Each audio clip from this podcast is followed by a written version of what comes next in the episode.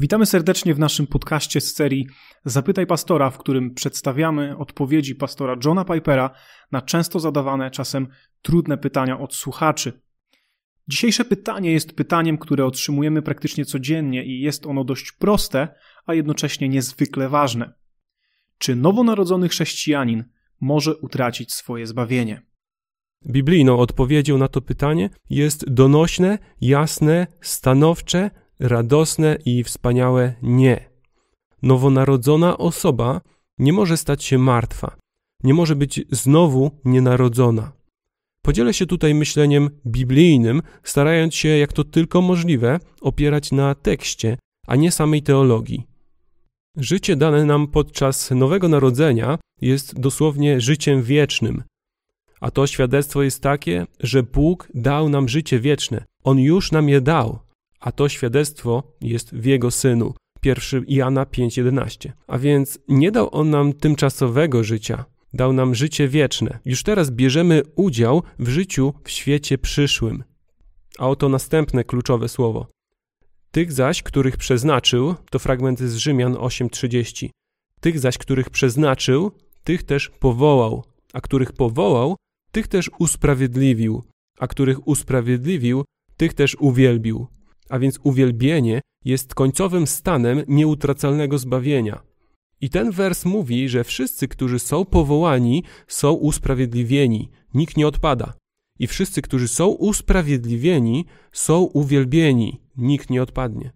A więc odpowiedź jest następująca: jeśli jesteś powołany, nie możesz stracić swojego zbawienia.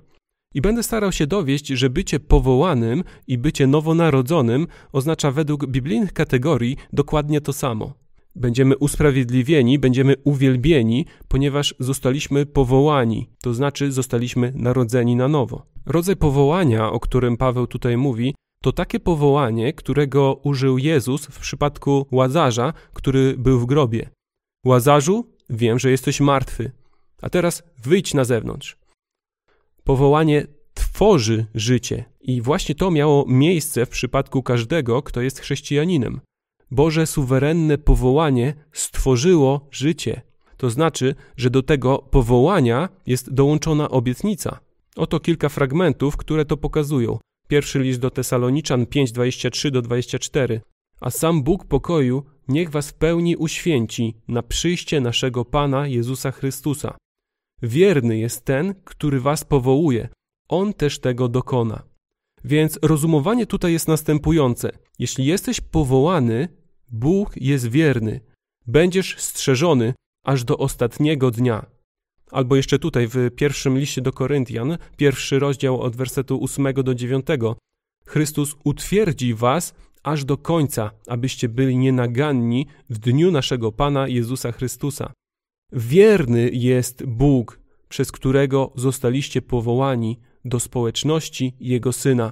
Więc teraz możemy się cofnąć i zobaczyć, dlaczego w Rzymian 8:30 wszyscy powołani są usprawiedliwieni, a wszyscy usprawiedliwieni są uwielbieni, ponieważ Bóg jest wierny. Nic nie dzieje się automatycznie. Wielu ludzi myśli, że pewność zbawienia jest jak szczepionka. Myślą, kiedy miałem 6 lat, pomodliłem się i Bóg dał mi zastrzyk w ramię. Dlatego nie mogę zachorować na potępienie. To nie działa w taki sposób. Jest to raczej podobne do rozpoczęcia dożywotniej terapii z lekarzem, który mówi: Jesteś moim pacjentem, będziesz robił to, co ci powiem, a ja doprowadzę cię do końca bez żadnych braków do ostatniego dnia. Oto Jeremiasza 32:40, który jest jednym z moich ulubionych wersetów potwierdzających doktrynę wytrwania świętych.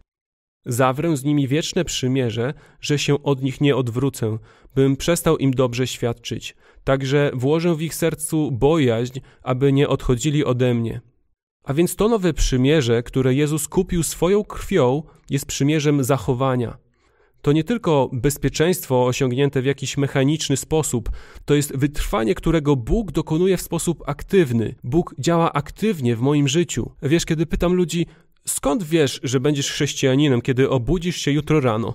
To wielu z nich jest jakby zaszokowanych tym pytaniem i odpowiadają: No, bo wiesz, to jest jak bycie człowiekiem. Nie, to nie jest jak bycie człowiekiem. Obudzisz się jutro rano jako chrześcijanin, ponieważ Bóg jest wierny. Bóg cię obudzi ze snu i obudzi w tobie swoją wiarę. Oto kilka innych wersetów. Filipian 1:6. Będąc tego pewien, że ten, który rozpoczął w was dobre dzieło, dokończy go. Powód, dla którego Paweł tak mówi, to sposób, w jaki Boża wierność łączy się z Pawła powołaniem, jego nowym narodzeniem. Albo Judy 24, a temu, który może was ustrzec od upadku. Głosiłem kazanie na podstawie tego wersetu jakiś czas temu. Miałem 67 lat, kończyłem wtedy moją służbę pastorską.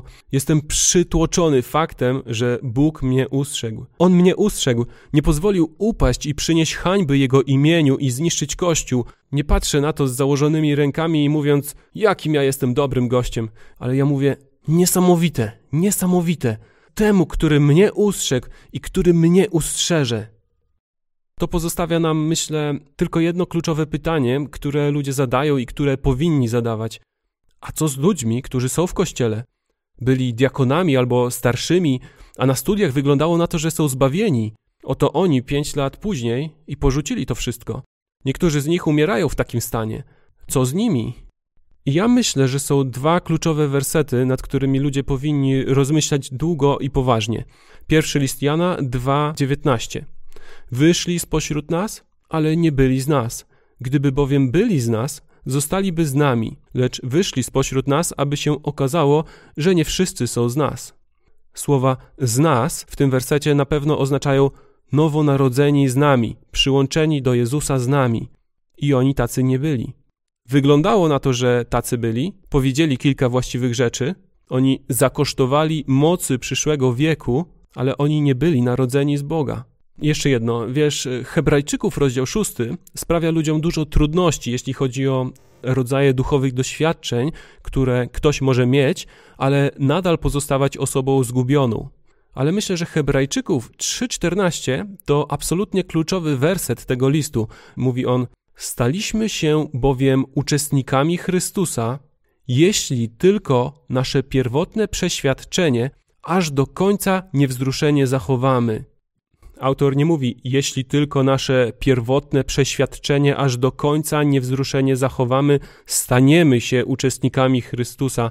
On mówi, my wiemy, że byliśmy od początku naszego życia z Chrystusem, uczestnikami Chrystusa, ponieważ wytrwamy do końca.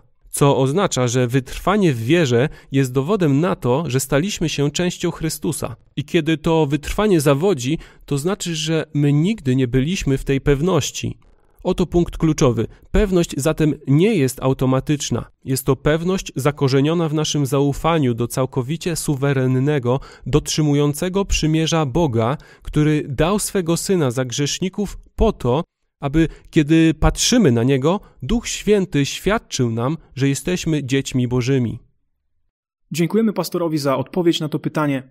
Dziękujemy również naszym słuchaczom i zachęcamy do wysłuchania kolejnych odcinków z serii Zapytaj pastora. Zapraszamy również na naszą stronę internetową www.ewangeliawcentrum.pl, gdzie możecie znaleźć wiele materiałów, takich jak artykuły czy wykłady wideo, które publikujemy w służbie lokalnemu kościołowi.